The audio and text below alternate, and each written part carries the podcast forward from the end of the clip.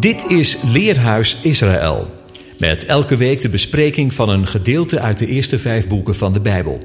De presentator van deze week is Robert Berns.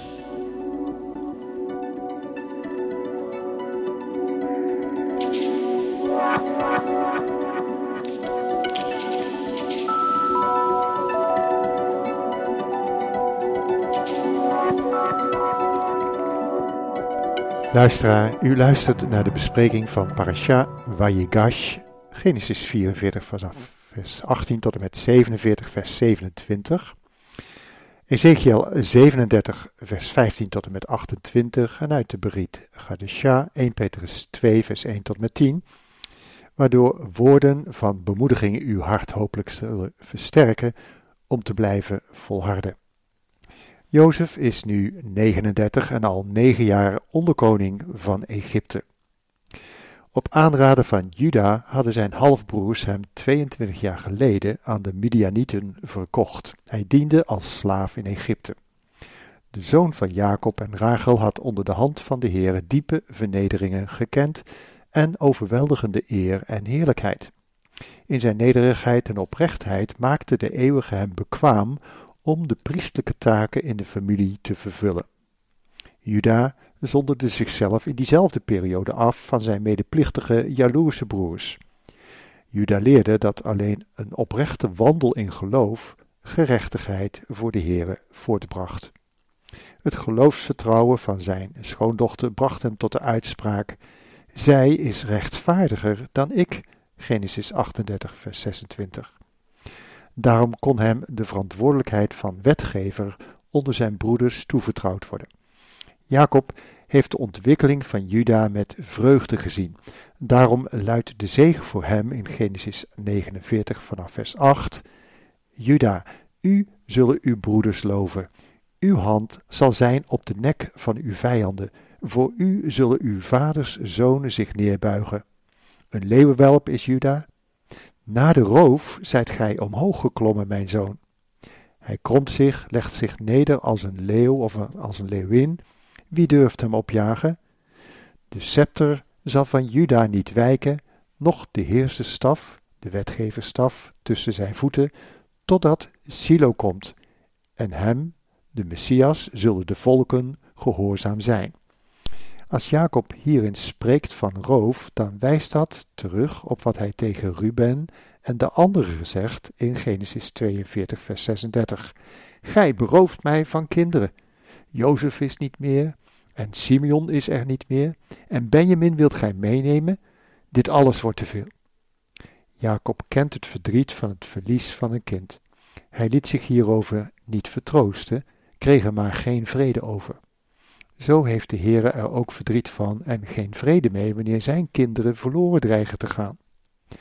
Toen de hongersnood in het tweede jaar echter nijpender werd, moest er wel wat gebeuren en spreekt Juda tot zijn vader Israël in Genesis 43 vers 9, laat de jongen toch met mij meegaan. Dan zullen wij ons gereed maken en op reis gaan, opdat wij in het leven mogen blijven en niet sterven, zowel wij als gij en onze kinderen. Ik blijf borg voor hem. Van mijn hand moogt gij hem eisen. Indien ik hem niet tot u breng en voor u stel, dan mogen ik te alle tijden tegenover u als een schuldige staan. Jacob weet dat wanneer hij niet instemt, hij, zijn kleinkinderen en kinderen allen van honger zullen omkomen. Dus antwoordt hij Juda in Genesis 43, vers 14: Neemt uw broeder mee, maakt u reisvaardig en keert terug tot die man. En God de Almachtige geef u barmhartigheid voor het aangezicht van die man, opdat hij uw andere broederen laat gaan, als ook Benjamin. En wat mij aangaat, als ik van kinderen beroofd moet worden, dan word ik beroofd. Beroven in de zin uit je leven verliezen, zoals bij een spontane abortus of bij een onvruchtbare vrouw.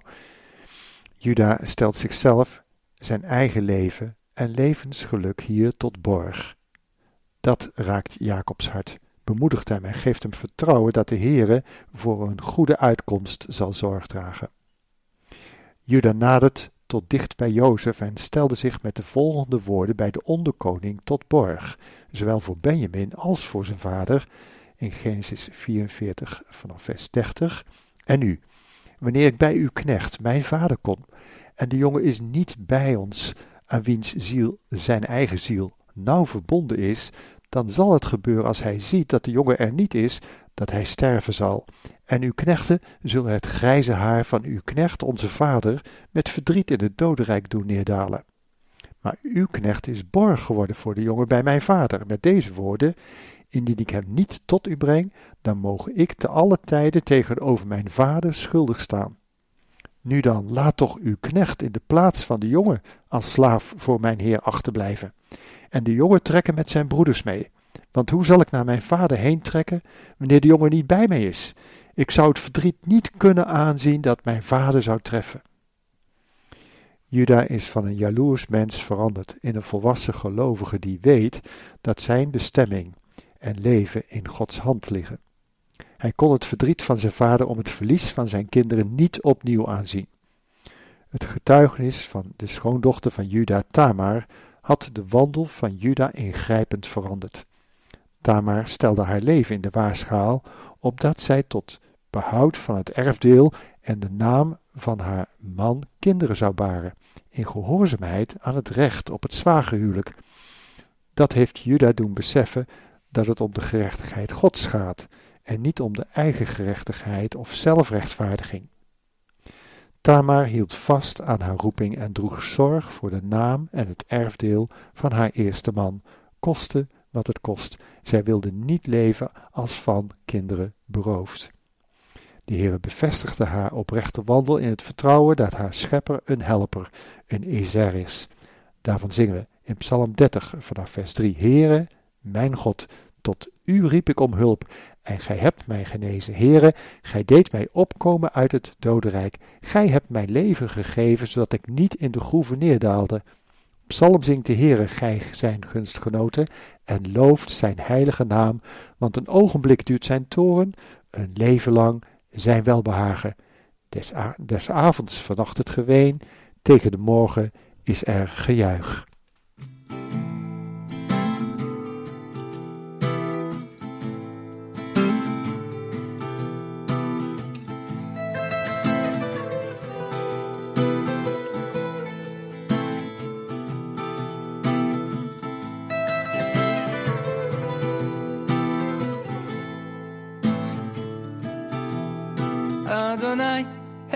אלי תמין שאול נפשי, חייתני מרדיבו.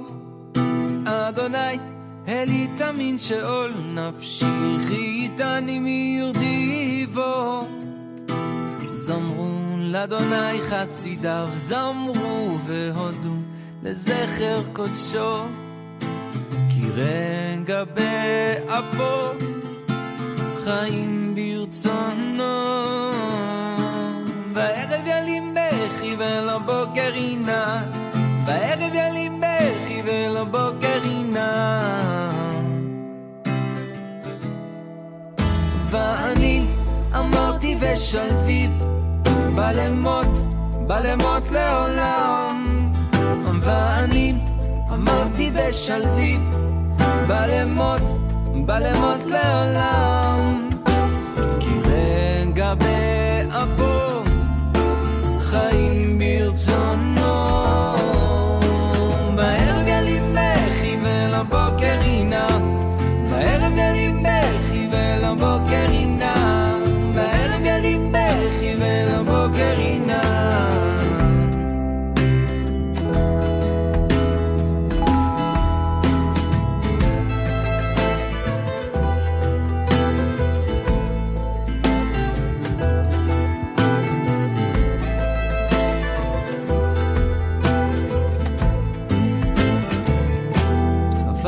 מספדי למחולי, פיתחת עסקים ותעזרני שמחה, למען יזמרך, כבוד ולא ידום, אדוני אלוהי לעולם עודקה. הפכת מספדי למחולי, פיתחת עסקים ותעזרני שמחה, למען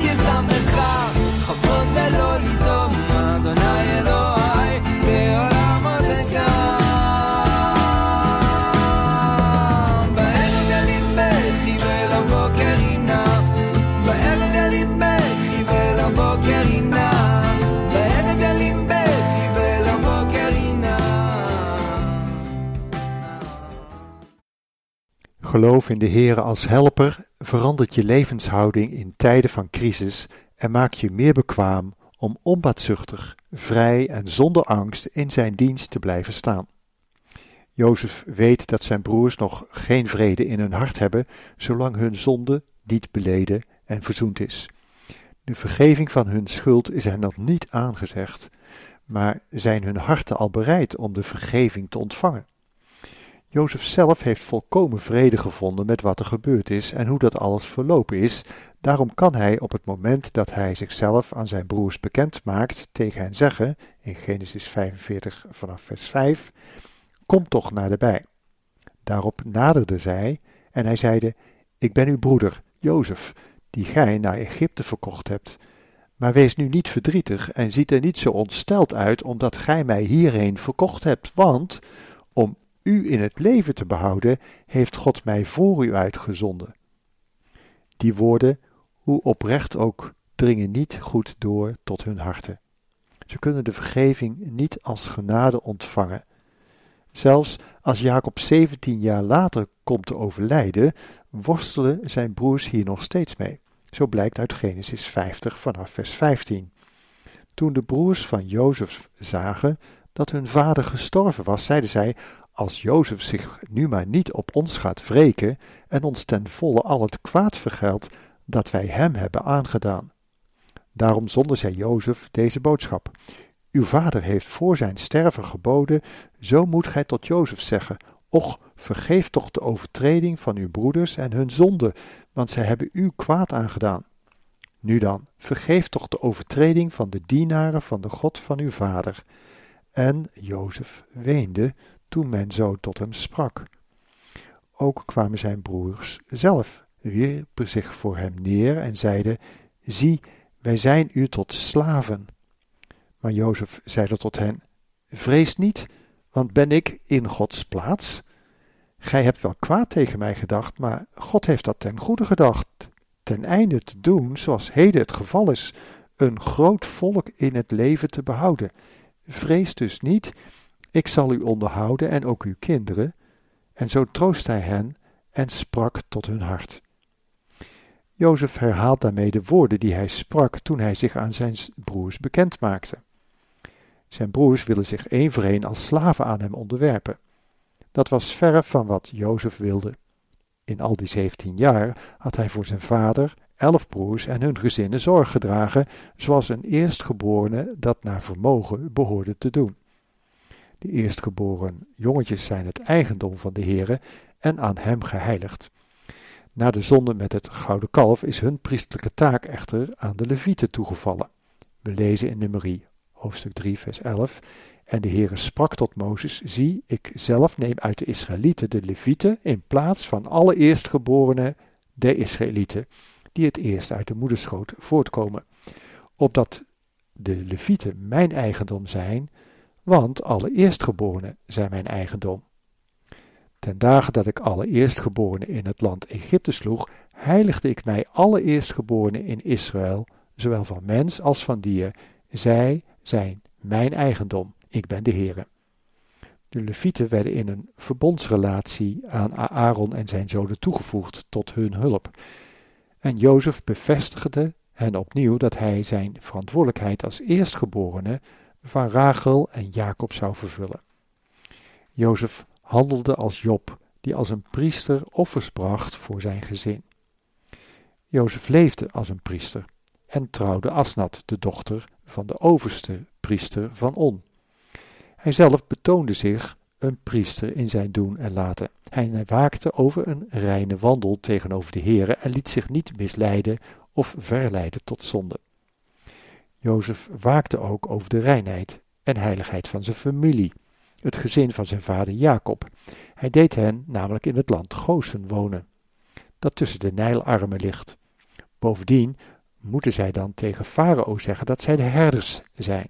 En voor Egyptenaren zijn herders een gruwel.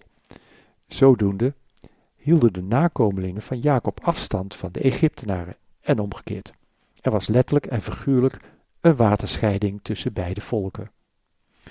Jozef bracht in de vijf jaren van hongersnood die nog volgden, stapsgewijs alle Egyptenaren tot dienstbaarheid aan het huis van Farao.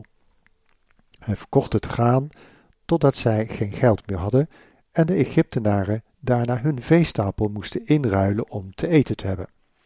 Vervolgens verkochten zij hun akkers en tenslotte zelfs hun lichamen in Farao's dienst, zodat zij tot zijn slaven werden. Van wat zij vervolgens verbouwden op hun akkers, moesten zij voortaan een vijfde deel van de oogst jaarlijks als belasting aan Farao blijven afdragen.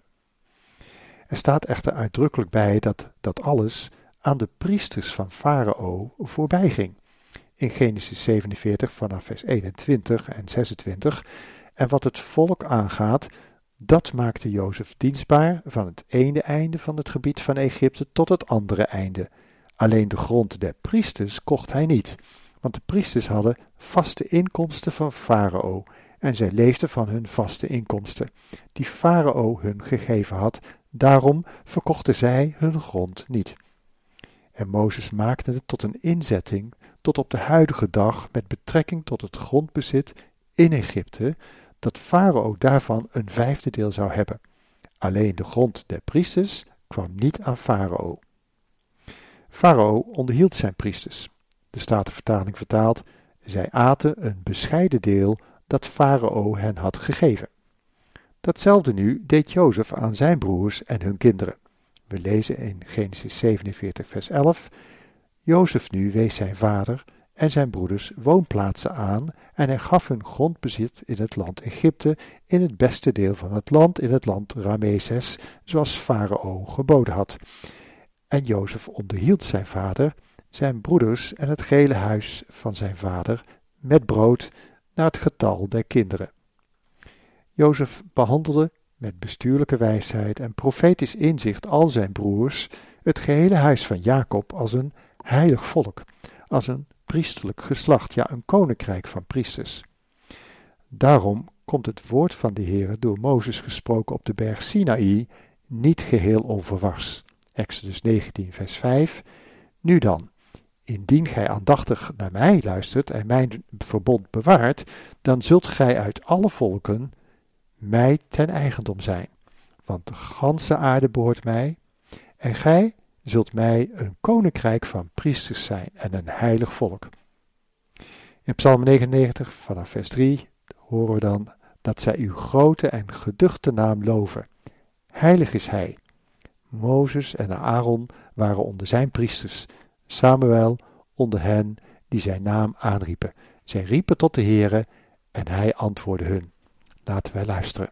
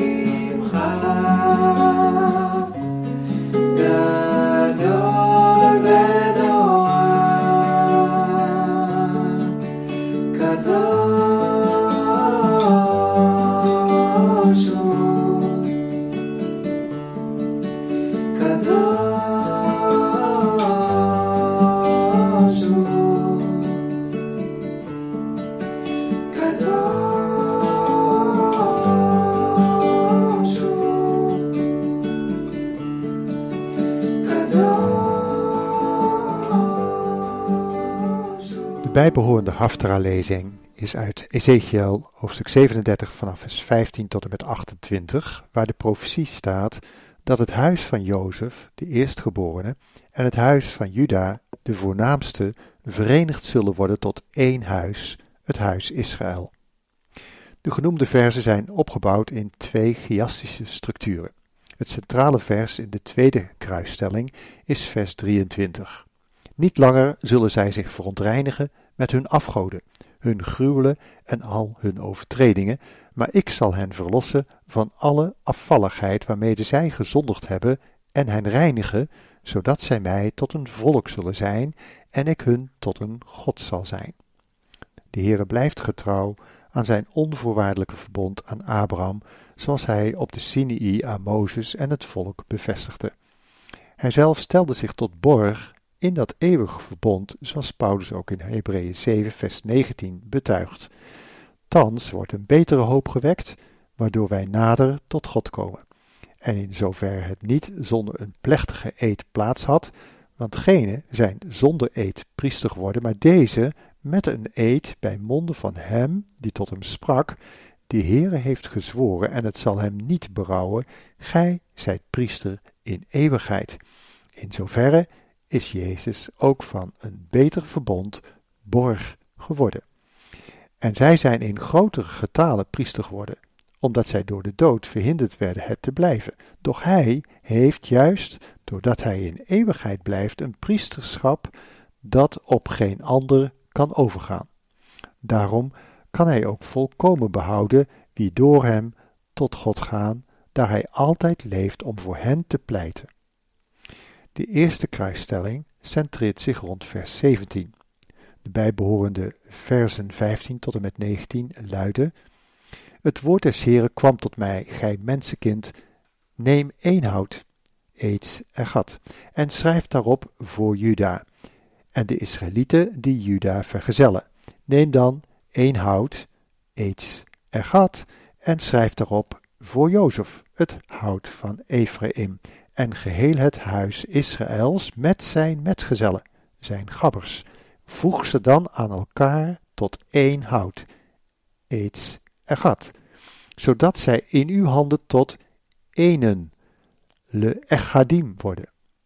Wanneer nu uw volksgenoten u vragen, wilt gij ons niet meedelen wat gij daarmee bedoelt, zeg dan tot hen, zo zegt de Heere, Heere, zie, ik neem het hout van je Jozef, dat in Efraims hand was, en zijn metgezellen, met de stammen Israëls, en ik voeg het bij het hout van Juda, en maak ze tot één hout, leets gat, zodat zij één gat zijn in mijn hand.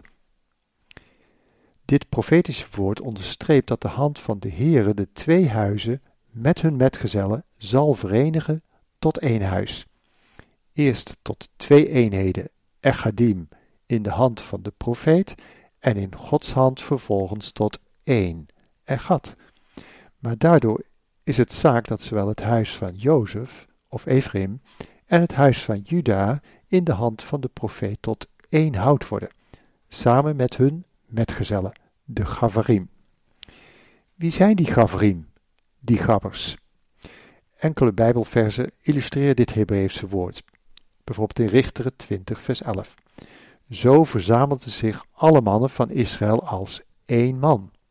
Er gaat Gavarim verbonden tegen de stad. Hier zijn het degenen die zich als één man aan elkaar verbinden en eensgezind handelen. Een ander bekend vers, Prediker 4, vers 10, want indien zij vallen, dan richt de een de ander weer op. Maar wee de ene die valt zonder dat een metgezel, een gabber, hem opricht. Ook indien er twee nederliggen, zullen zij warm worden, maar hoe zal één alleen warm worden? Kan iemand er één overweldigen? Twee zullen tegenover hem kunnen standhouden, en een drievoudig snoer wordt niet spoedig verbroken.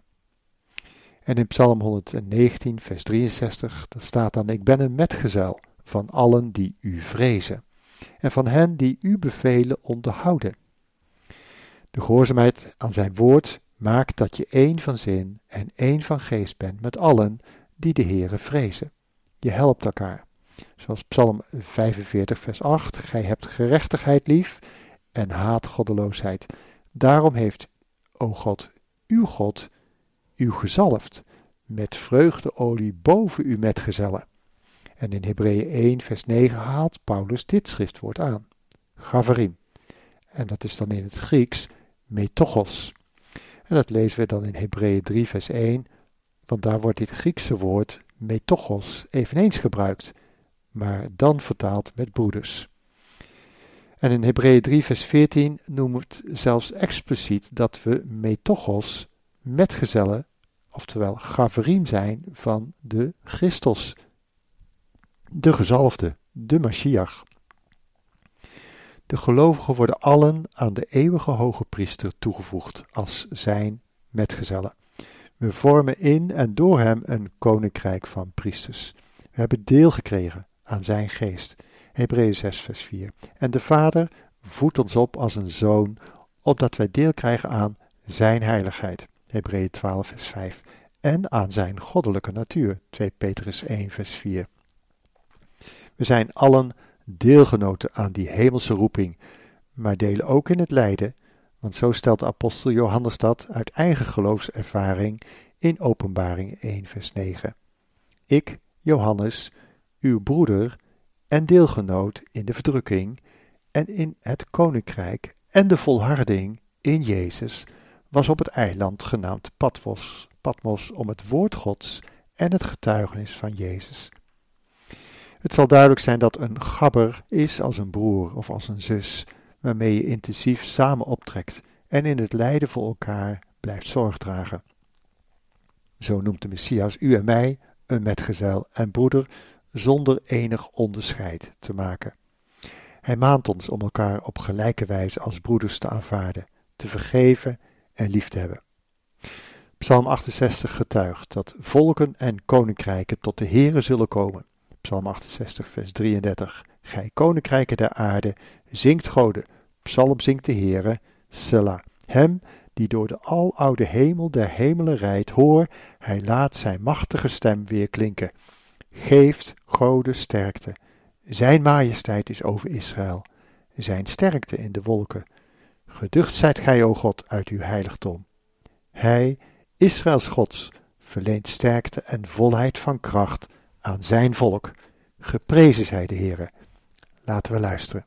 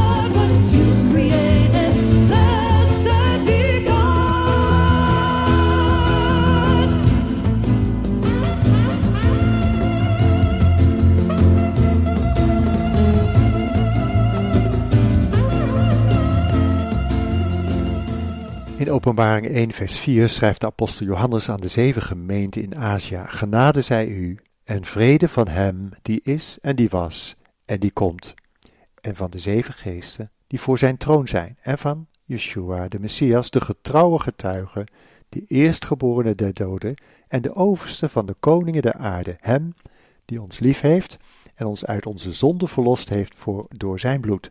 En hij heeft ons tot een koninkrijk, tot priesters voor zijn God en Vader gemaakt. Hem zij de heerlijkheid en de kracht tot in alle eeuwigheden. Amen. Zie, hij komt met de wolken, en elk oog zal hem zien, ook zij die hem hebben doorstoken. En alle stammen der aarde zullen over hem weeklagen. Ja, amen.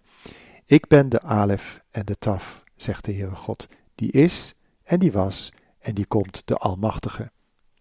Niet alleen Johannes, maar ook Paulus beschrijft in de brief van de Hebreeën dat met het priesterschap van de Messias een andere wet op het priesterschap van kracht is geworden. Het eeuwige priesterschap is op een geheel andere wijze ingesteld en gefundeerd dan de voorafschaduwing daarvan in Aaron, zijn zonen en de Levieten. Het hoge priesterschap kan op geen ander overgaan. Als Abraham de koningpriester Melchizedek ontmoet, dan ontmoet hij de Messias, Yeshua. Zijn priesterschap berust op een onvergankelijk leven. Dat onvergankelijke, eeuwige leven deelt hij met allen die zich tot hem keren. Petrus roept daarom een ieder op in 1 Petrus 2 vers 1, leg dan af alle kwaadwilligheid, alle bedrog, huichelarij, afgunst en alle kwaadsprekerij. En verlangt als pasgeboren kinderen naar de redelijke onvervalste melk. Dat is het woord van God. Opdat gij daardoor moogt opwassen tot zaligheid. Indien gij geproefd hebt dat de Heere goede tieren is, en komt tot hem de levende steen, door de mensen wel verworpen, maar bij God uitverkoren en kostbaar, en laat u ook zelf als levende stenen gebruiken voor de bouw van een geestelijk huis, om een heilig priesterschap te vormen, tot het brengen van geestelijke offers, die Goden welgevallig zijn door Yeshua de Messias. Daarom staat er in het schriftwoord: Zie, ik leg in Sion een uitverkoren en kostbare hoeksteen, en wie op hem zijn geloof bouwt, zal niet beschaamd uitkomen. U dan die gelooft, geldt dit kostbare, maar voor de ongelovigen geldt de steen die de bouwlieden afgekeurd hadden, die is geworden tot een hoeksteen en een steen des aanstoots en een rots der ergernis voor hen die zich daaraan in hun ongehoorzaamheid aan het woord stoten, waartoe zij ook bestemd zijn. Gij echter zijt een uitverkoren geslacht, een koninklijk priesterschap, een heilige natie, een volk, goden ten eigendom, om de grote daden te verkondigen van hem die uit de duisternis geroepen heeft tot zijn wonderbaar licht, die u uit de duisternis geroepen heeft tot zijn wonderbaar licht. U, eens niet zijn volk, nu echter Gods volk, eens zonder ontferming, nu in zijn ontferming aangenomen. Paulus, Petrus en Johannes beleiden hetzelfde over het volk dat zich heeft laten heiligen. De Messias maakt hen tot zijn metgezellen, een koninkrijk van priesters. Openbaringen 5 vers 9 lezen we, en de vier wezens en de 24 oudsten voor zijn troon zongen een nieuw gezang, zeggende, Gij zijt waardig de boekrol te nemen en haar zegels te openen. Want gij zijt geslacht en gij hebt hen voor God gekocht met uw bloed, uit elke stam en taal en volk en natie. En gij hebt hen voor onze God gemaakt tot een koninkrijk en tot priesters, en zij zullen als koningen heersen op de aarde. Al degenen die tot hem gaan om de verlossing en vergeving van hun zonde, rekent hij tot het ene heilige volk, het ene huis van Israël. Noemt hij ook dan broeders en metgezellen, zoden van zijn vader. En ieder van hen ontvangt leven uit hem, om als een levende steen, een levende cel in dat geheel van zijn lichaam, zijn bruid te functioneren. Hij geeft van zijn geest en kracht om hem te volgen en van hem te leven, om van hem te leren om als priesters te leven en te roemen in zijn overwinning. En de Vader de lof van onze priestelijke lippen te geven. Daartoe zijn wij bestemd, want we lezen in Openbaring 20, vers 5: En ik zag tronen, En zij zetten zich daarop. En het oordeel werd hun gegeven, en ik zag de zielen van hen die onthoofd waren om het getuigenis van Jezus en om het woord van God, en die nog het beest, nog zijn beeld hadden aangebeden, en die het merkteken niet op hun voorhoofd en op hun hand ontvangen hadden. En ze werden wederlevend en heersten als koningen met de Messias duizend jaren lang. De overige doden werden niet wederlevend voordat de duizend jaren voleindigd waren. Dit is de eerste opstanding. Zalig en heilig is hij die deel heeft aan de eerste opstanding. Over hen heeft de tweede dood geen macht. Maar zij zullen priesters van God en van de Messias zijn, en zij zullen met hem als koningen heersen die duizend jaren. Zo heeft het voornemen van de Heere toch voortgang gevonden in Yeshua, de gezalfde hooggepriester Melchizedek, Jesaja 53 vers 10. Nu is het zaak dat wij getrouw blijven aan deze roeping en daarin weten te volharden. De profeet Malachi vat die roeping als volgt samen. Mijn verbond met de helpers van de hoge priester was leven en vrede. Ik heb ze hun gegeven tot godsvrucht, opdat zij mij zouden vrezen en voor mijn naam beven. Betrouwbaar onderricht in de wet uh, zij in hun mond, en ongerechtigheid worden niet op hun lippen gevonden. In vrede en in oprechtheid zullen zij met mij wandelen, en velen zullen zij van ongerechtigheid terugbrengen. Want de lippen van de priesters bewaren kennis, en uit zijn mond zoekt men onderricht in de wet, in het onderwijs van uh, ja, de boeken van Mozes, de profeten, de psalmen en de apostelen. Want een bode van de Heere, de Heerscharen, is hij. Wanneer wij samen daaraan beantwoorden, dan bevestigen we ook de woorden uit Psalm 132, vers 13. Want de Heere heeft Sion verkoren, hij heeft het zich ter woning begeerd. Dit is mijn rustplaats voor immer. Hier zal ik wonen, want haar heb ik begeerd. Haar voedsel zal ik rijkelijk zegenen, haar armen zal ik met brood verzadigen, haar priesters zal ik met heil bekleden, en haar vromen zullen vrolijk juichen. Shabbat Shalom.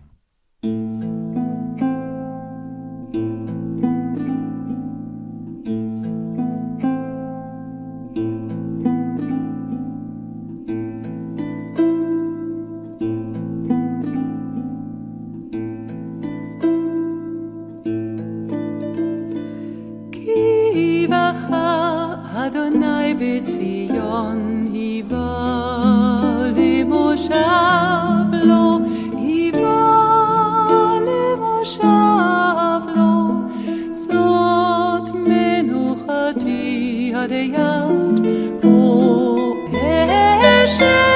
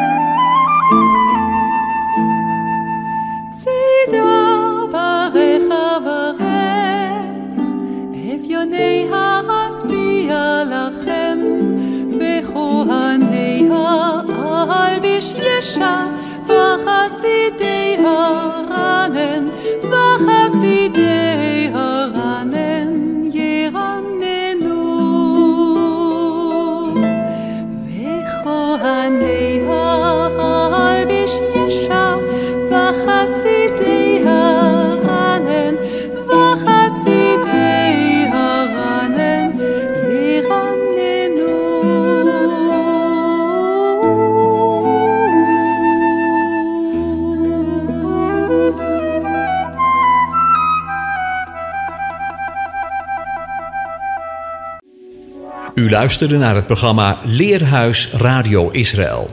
Een wekelijkse studie aan de hand van de Bijbelgedeelten die wekelijks door de Joodse gemeenschap worden gelezen. Heeft u een vraag of opmerking? Stuur dan een e-mail naar info-apenstaatje radioisrael.nl. Het leesrooster vindt u op onze website. Ga naar radioisrael.nl en klik onder het kopje radio op programma's.